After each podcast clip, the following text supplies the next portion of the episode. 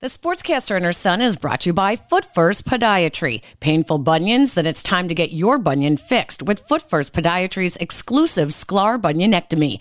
No scars, no cast, no crutches, no kidding. For more information about the Sklar bunionectomy, visit footfirst.com. And by Electri-Flex, a global leader in electrical conduit for over 60 years, makers of Liquatite flexible conduit, electrically connecting our world.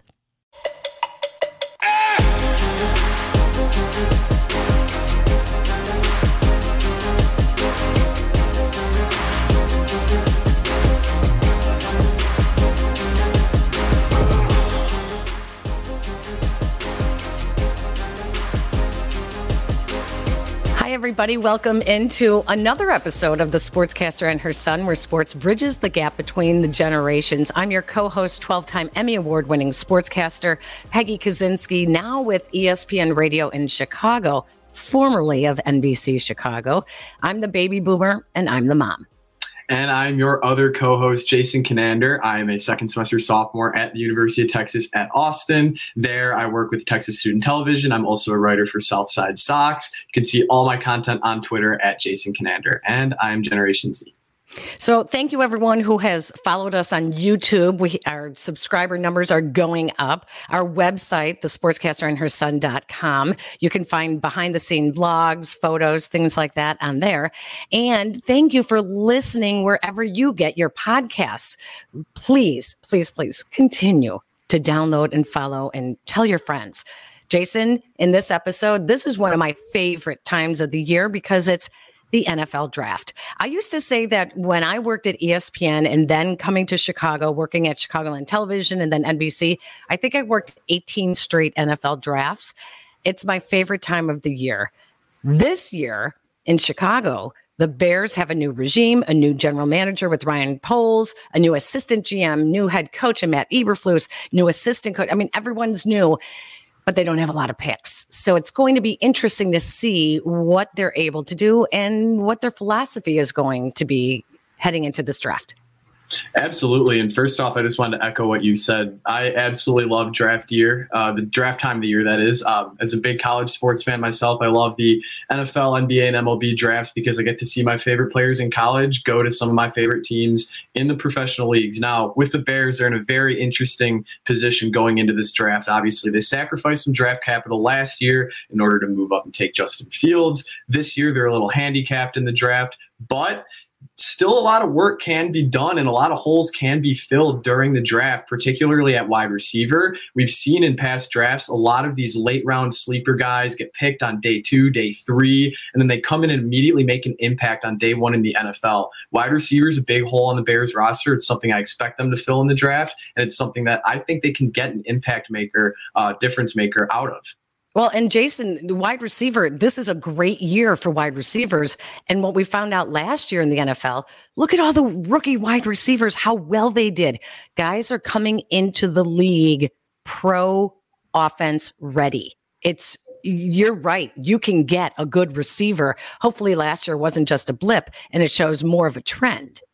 Well, it has been more of a trend. The past couple of drafts have been incredibly well, um, incredibly good when it comes to wide receivers. Last year stood out because of Ja'Marr Chase and Jalen Waddle both having thousand yard seasons. But the year before, Justin Jefferson had an incredible rookie year for the uh, Minnesota Vikings. Um, Henry Ruggs, of course, didn't end up panning out in the NFL. Jerry Jeudy is another guy on the Broncos. Will be a big breakout star with Russell Wilson at quarterback. So all of these past couple of drafts have had marquee wide receiver prospects and then also some late guy, late round guys that make a big impact. One storyline to watch here are two Ohio State wide receivers, Garrett Wilson and Chris Olave the Bengals last year took Ja'Marr Chase in the top 10. A lot of people thought it was a reach. A lot of people were questioning their strategy, taking a wide receiver at five instead of an offensive lineman.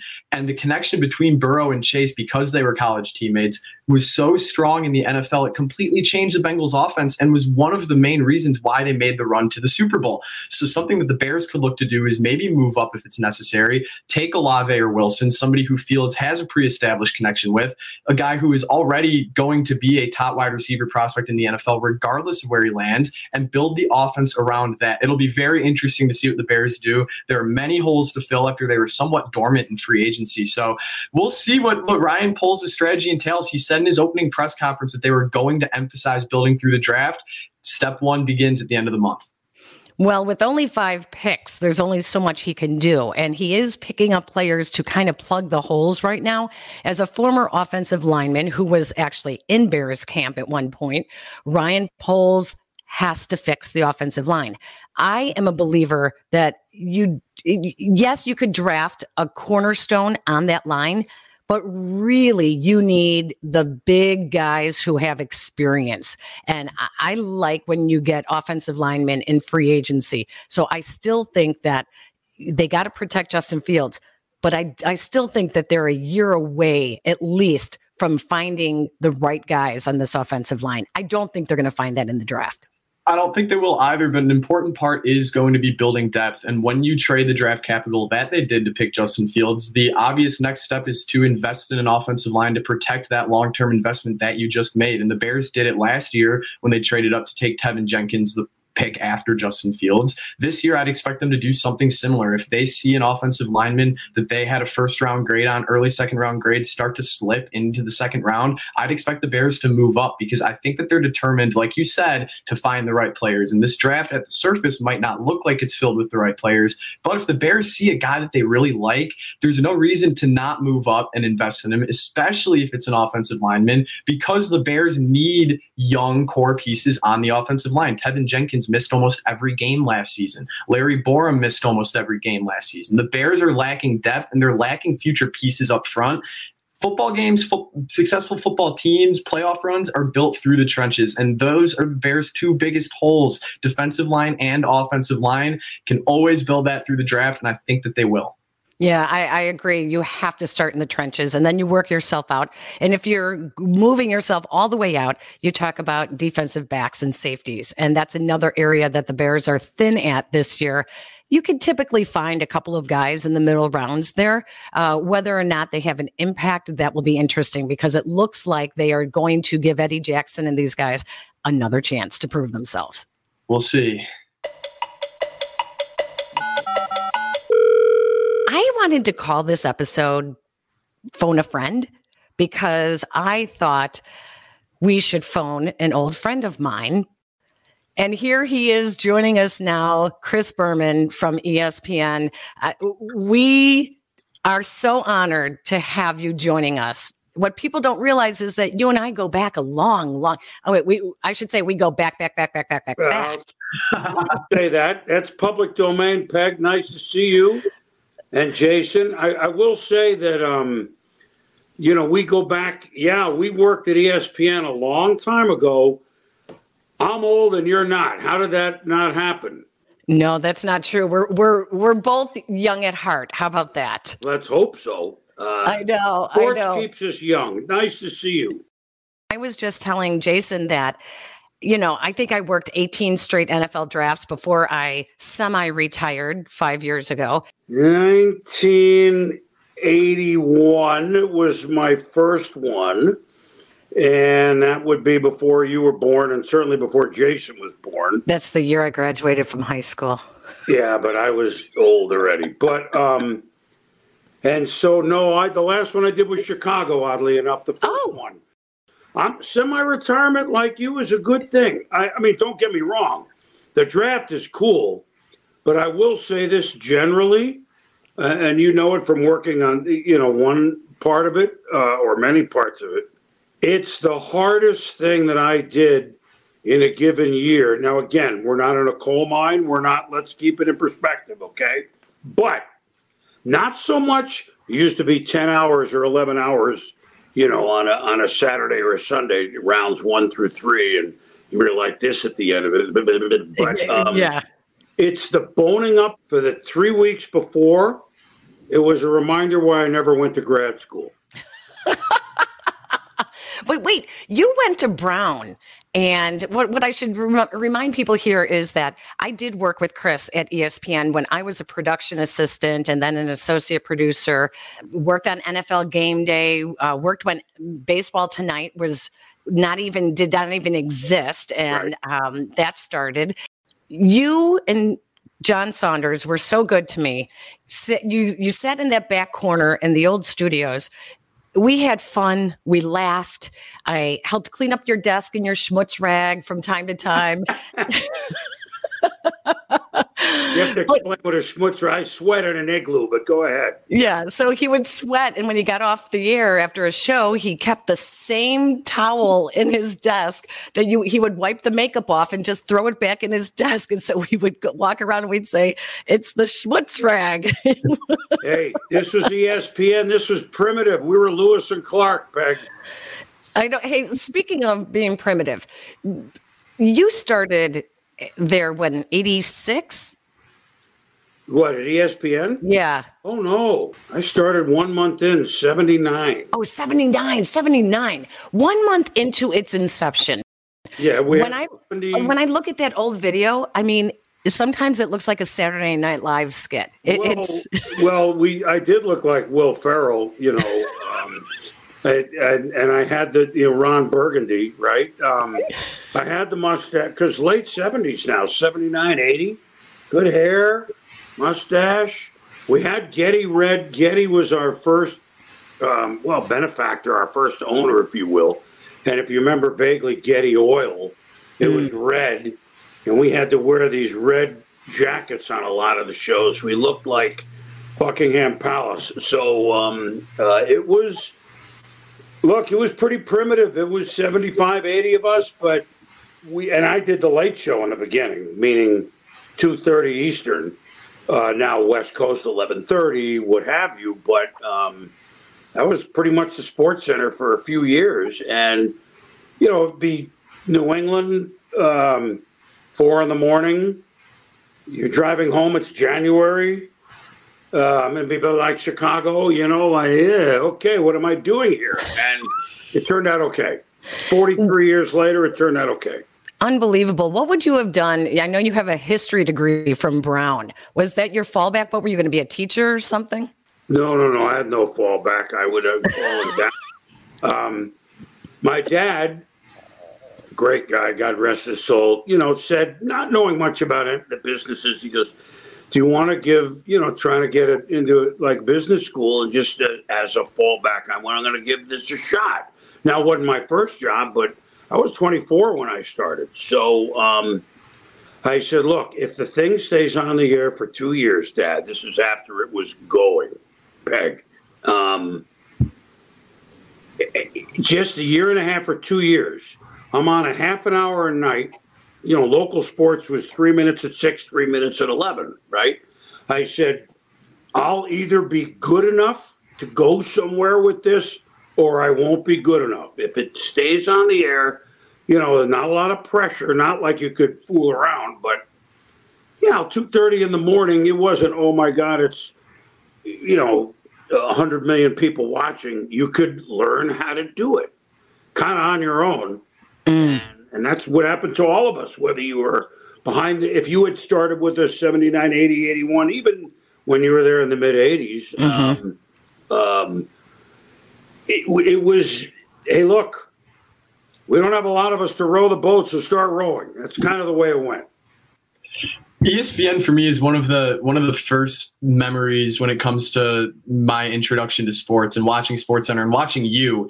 And I think about how much ESPN has changed in my time as a sports fan. What do you think about how much broadcasting and ESPN and just the way that sports is covered in general has changed since the time you started to now? Well, Jason, how old are you? I am 19, turning 20 in a month oh. and a oh. half. All right. Well, I mean, it had changed by the time you were born, obviously, a lot. Um, so to tell these old stories won't mean much to you. It's a good question. So even in the 20 years you've been alive, let's just go that way, all right? The immediacy, there was no internet 20 years ago, or there was, but not really, you know? Right. Um, and not, um, you still, 20 years ago in 2002, for example, did, yeah, there were there were some sports talk shows in this, but you still were not getting stuff instantaneously. Certainly not on your phone, not on this. So the whole landscape, not only ESPN, but everything has changed because uh, the immediacy, you know something, Tiger Woods just birdied the third hole. Like, we all know that immediately. Well, in 2002, we didn't know that at all if, if it wasn't uh, live on TV at the, at the moment. So, um, the immediacy, the technology, I mean, it speaks for itself. And even in the last 10 years, that's drastically changed with people being able to, you know, from uh, Australia, being able to show you a picture of what just happened. Not that you necessarily care, or for us to show Tiger Woods birding a hole to your friend in Australia in the middle of the night I mean, it's just leaps and bounds. It's hard to even put into words as I'm stumbling to do that. Um, sports reporting, there are the only problem with it now. I don't want to say problem because everyone, okay, we all have a. Uh, I don't, but blog this, that, this. Well, if it's on the internet, it must be true. Well, not really, you know. Um, sometimes. So the immediacy, sometimes everybody being a journalist and there are great ones on internet, but some are not saying bad actors, just saying, "Hey, I heard did it," and then you read it, and Peg reads it, and and even I read it, and it, well, it, it must be. No, it's not true. So there are so many outlets, and there's no way 100% of them are going to be correct. We got to be careful with what we think is really happening, but it's kind of the fun of it that if if you drop a quarter on the floor where you're living right there, we all can hear about it and you can show it to us. There it is. It rolled under the dresser. Darn it.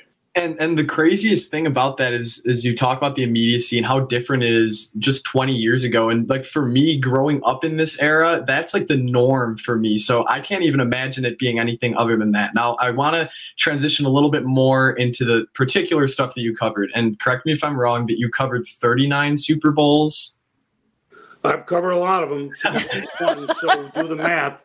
Uh, 81 on, so 39, 40. Yeah, I mean, I've been around.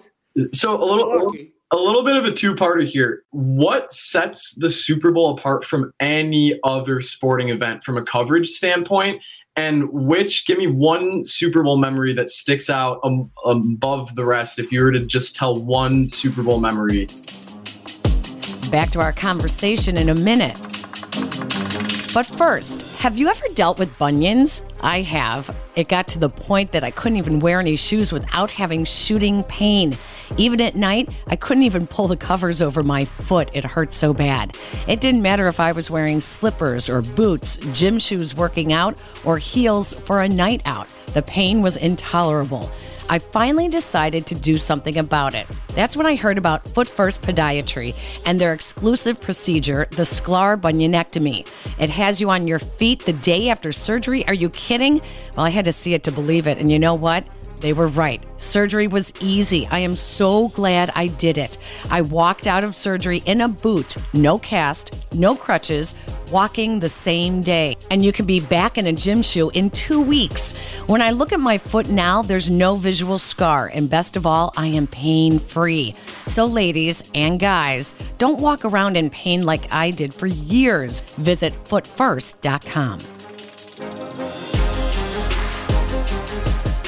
what sets the Super Bowl apart from any other sporting event from a coverage standpoint? And which, give me one Super Bowl memory that sticks out um, above the rest if you were to just tell one Super Bowl memory, period. Well, um, the Super Bowl, of course, and it was this way, but it is truly an all American holiday, if you will. Even 25 years ago, I was, struck by all the international. That's not the answer you're looking for, but this game is being broadcast in all these languages by all. It's going everywhere. It's going to Antarctica. It's going, you know, to the Penguins that wanted to watch it. So um, it, it it's as if, you know, we have no holiday late January, early February. We're, by the way, the Super Bowl will be President's Weekend in another year, not next year, but in another one. That's so it'll be on a holiday, but it it was for all these years, let's just say late January, right, Jason? So we had Christmas, we had New Year's, and then we had winter. If you live where you do and I do, and a lot of the country lives. And then there's this Super Bowl that no matter what, people got together. And even if the Bengals were playing like this year, who nobody really, I don't want to say nobody, but a lot of the casual fans weren't dialed in on, and the Bengals certainly earned their way there and could have won the game. But all of a sudden, you're an expert on the Cincinnati Bengals along with the Rams, and you knew a lot of their players. Even though you didn't follow, it's like everybody stops. Who do you like? Oh, I'm in a Super Bowl pool with the five for the AFC and an eight. Naturally, you get the bad numbers, right? Eight for the NFC. And so what makes the Super Bowl special is, you know, football's America's game. It has been. I love baseball. We could go on with others. I love them, but everything stops for the Super Bowl. And even going into it that weekend, it's Super Bowl weekend, people are making sure they have food, they have friends, they have this. It's snowing out. We don't care. It's Super Bowl Sunday. Now, when I first and when I was younger, before I got on the air, a lot of the Super Bowls were blowouts, to be honest with you the last 20 years, your lifetime, should take full credit for it. Um, starting with probably you know, late 90s, uh, certainly 99 with the tackle on the one yard line. Like, like they've, they've come, three fourths of them have come down to the last series or whatever. One that's, well, so many of them stand out. I mean, the best Super Bowl moment um, happened because we do prime time on the field after the game. And in 2001, and again, that's, you know, that's before your time.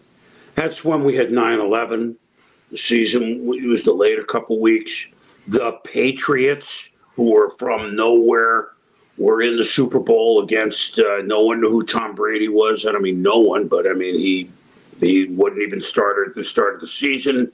Bill Belichick, yeah, does he really know what he's doing? The Rams are the greatest show on turf. So Steve Young and I were getting ready to do NFL primetime last four, five, six minutes around the field. We were under the goalpost.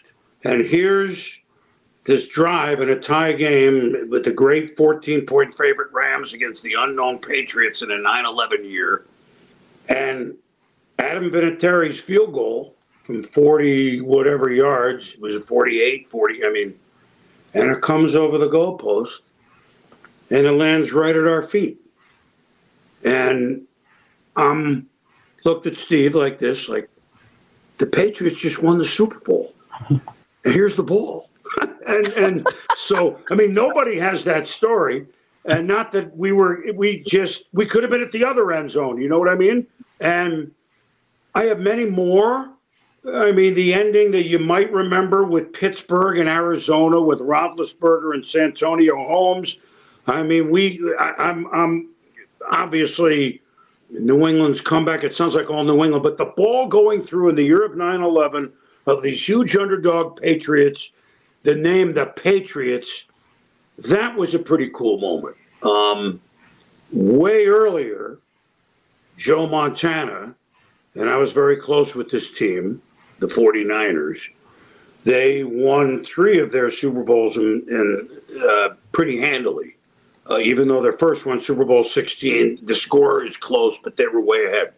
The one in 88, which they beat the Bengals on a drive by Joe Montana to Jerry Rice about eight times, and then he hit John Taylor under the goalpost at the very end of the game to win. You know, they were down by three or four at the time.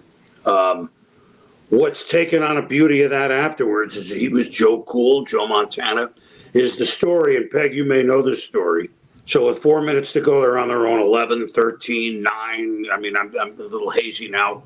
And there's a long TV timeout, and Montana sticks his head out of the out of the, uh, the huddle, and he goes, "Oh my God!" and and or something like that. And the and the guys in the huddle were, "Uh oh," like uh, if he's uptight, then we're uptight. He goes, "Did you see who's over there on the sidelines? That's John Candy," and um, uh, and they and they look up during the TV timeout and okay, we're gonna run 65 toss power trap on two, first play on, on you know. And that's a true story. Again, I didn't know it at the time, but that's awesome. Having seen him lead them down the field and clutch, and then knowing that was the con- well, what was the conversation in the huddle? What we saw John Candy. That's pretty funny, isn't it? Oh, that's awesome. One of the things that people can see right now on the video portion of the podcast is how demonstrative you are um, and animated you are. And one of the things I learned from you in my sportscasting career here in Chicago was when I would do highlights, I always used my hands when I was talking. And I learned that from you, Chris, because you did highlights like you're telling everybody what look at this look at what is going on here. And it really resonates with the audience because they feel like you are talking to them and this is exciting and look at this what we're doing. And using your hands and while you're not on camera and just talking over the video helped me so much to be able to get the message of the excitement across to the viewer. And i got that from you too many people That's try to be somebody else, right? You mentioned Ron Burgundy. It's a joke. Okay. A lot of people tried to be you, but you were so unique when you came into this world of sportscasting and the nicknames and everything. I mean, this was all just you. It was all just Boomer.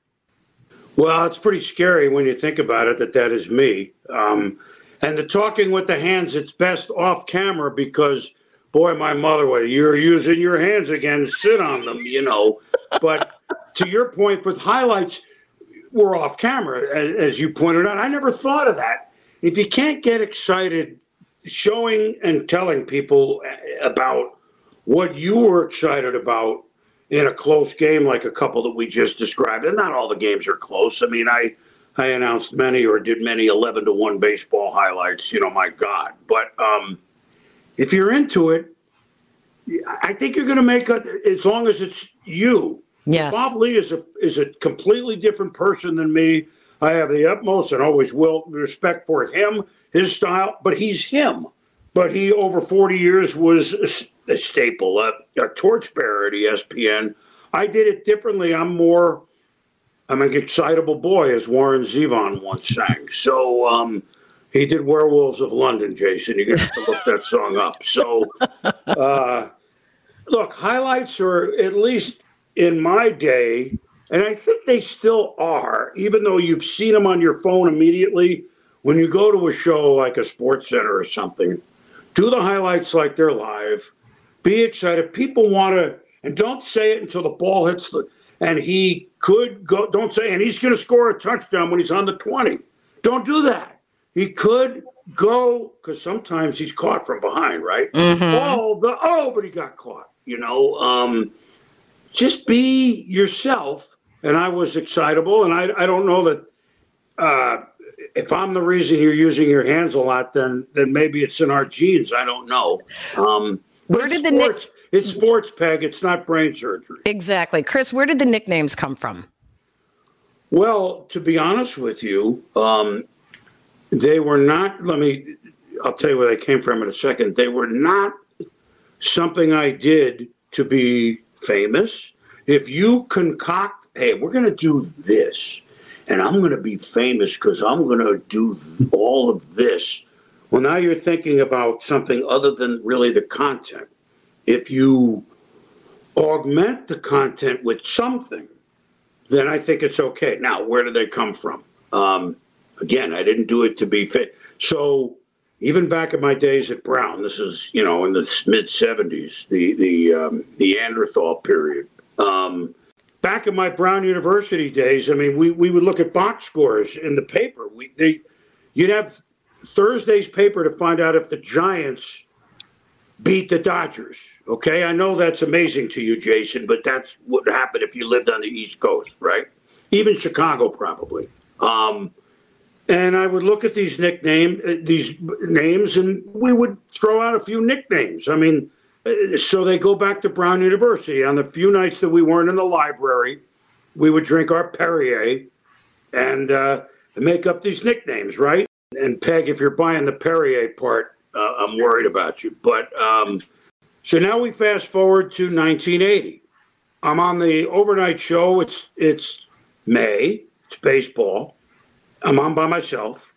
I don't care if you it's your regular shift at 3 a.m. You're not really, you know, sharp. uh, you are sharp, but so one or, or two of them came out from my days at Brown. I don't know which one. I mean, I don't know what was first. Do you remember Frank Tanana, Peg? Frank, he was Frank Tanana yes. Daiquiri was a really good pitcher. And John Mayberry, John Mayberry RFD. One of those, those are the first couple that came, and I got in my ear for those who don't not in our business called an IFB, and the producer goes, What was that? You know? But the camera person's laughing, and we finished the segment, and here's you know the American League, and we'll be back after this. And nobody got hurt. It was okay. It wasn't derogatory. It wasn't dirty. It wasn't. That's not supposed to be. And I went home, and you know, the next day or two, I went. You know, those were okay. Like maybe we'll try a couple more the next night and see how that goes. And again, you have to understand. I know, Jason, you can't understand this, and many of the viewers are, are listening uh, or watching or listening. We'd have Seattle five, Kansas City two, no highlights, and the thing would be up there for forty seconds. Yeah. Well, embellish it a little bit. Yeah. You can only stare at five to two with seven hits and two errors for so long, right? So, so Julio Cruz, second baseman, Seattle was Julio, won't you let me take you on a sea cruise? You know, or or these are the ones that go way back. Oddibe McDowell, Cleveland and Indians. O to be young again, McDowell. Um, and you didn't have to know he played the outfield or played for Cleveland. The best one was Bert Blyleven, probably, because again, you don't have to know he's a pitcher. He pitched for Pittsburgh or Minnesota or you know a couple other teams. He has a Hall of Fame curveball. Blah blah blah. He was Bert B. Home Blyleven because every kid heard it and every parent said it. So actually, the nicknames were for everybody, not necessarily the hardcore in the beginning baseball fan. And of course, we use many in football and they're just a play on it. They can be food, movies, obviously rock and roll. Boomer, the best part though was that guys started writing you letters, and when you were when you would be at a game in person, they they would pull you aside. They wanted a nickname. They guys, they, players they wanted a nickname. They they did because back then it was just fun, you know. And and I mean, there are a couple players that they didn't dislike. Kevin Bass, I used to, if you remember him, Astros and others. Mm-hmm. Um, he was largemouth bass, and he pulled me aside at the at the at the batting cage one day. He goes, "You know, I don't know if I like that nickname." I said, "What's the matter?" It makes me sound like a big mouth, you know, like like I, I talk all the time. And said, "Well, how about?" And I said, "Oh." I said, "How about smallmouth?" That's good. Go with it. And and so um, and so we we went with it again. It's become well, I and you know Peg because you helped me answer some of the mail back in the day. yeah. Nobody knows that Peg was one of my first ghost letter writers back. I mean, my God. Um, and there would be lists of fifty, and if yeah. I laughed at them, I used them. Yes, and ghostwriters everywhere was great. Absolutely. Boomer, I cannot thank you enough for taking the time to join us. It's been so fun to kind of take a walk down memory lane. It's great to see you again. I'd love to be able to prove to my son, Jason, that I did actually work at ESPN in Bristol and that I did know you guys, the, the big guys, um, and worked with you. And it's great to reconnect after all these years. Well, Peg, I'm glad that you still have the enthusiasm for sports and have, have done this and have fun doing it, and you get to do it with with your son. And I mean, and it, it's a, hey, look, sports. The one thing I'll leave you with, and I didn't, I wasn't smart enough to know this early on. It's, it's about in this day and age the best melting pot that we have in the U.S. And boy, do we need it! And that's not a political statement; that's a real statement. Um, old and young, uh, male, female, white, black, uh, rich, poor. We can talk about. They can all watch this show or watch my show and we can talk about football or baseball, and it's okay. Like it doesn't it doesn't matter, you know, who you mm-hmm. are. Are you interested in it? Good. Then what's your opinion? And it, it, brings a lot of people together, and uh, we need more things like it. I know that sounds heavy, but I wanted to leave you with that thought because it kind of hit me about 15 years in. Like, darn, this is a this is okay. Mm-hmm. This is we can talk. Hey, did you see that game last night? Yeah, perfect stranger. And for five minutes, you can have a nice conversation at an airport or wherever you are, trains that you know, walking down the street. Have a good day. So proud of you, Peg. You were anyone that worked with us in the 80s and 90s, it's a red badge of courage. So uh, we're proud to be teammates to this day. We uh, made it. Spring. Hey, you too. And um, next time you're in Chicago, let's stop and get a Perrier together. they have Perriers in Chicago, don't they? yeah, a few of them. Some of them are flavored. oh, I'm aware. Yeah, that that shows that we're getting old. That we don't remember them flavored way back when. I know. Thank you, Boomer. Take care, buddy. See you. All right. Bye bye.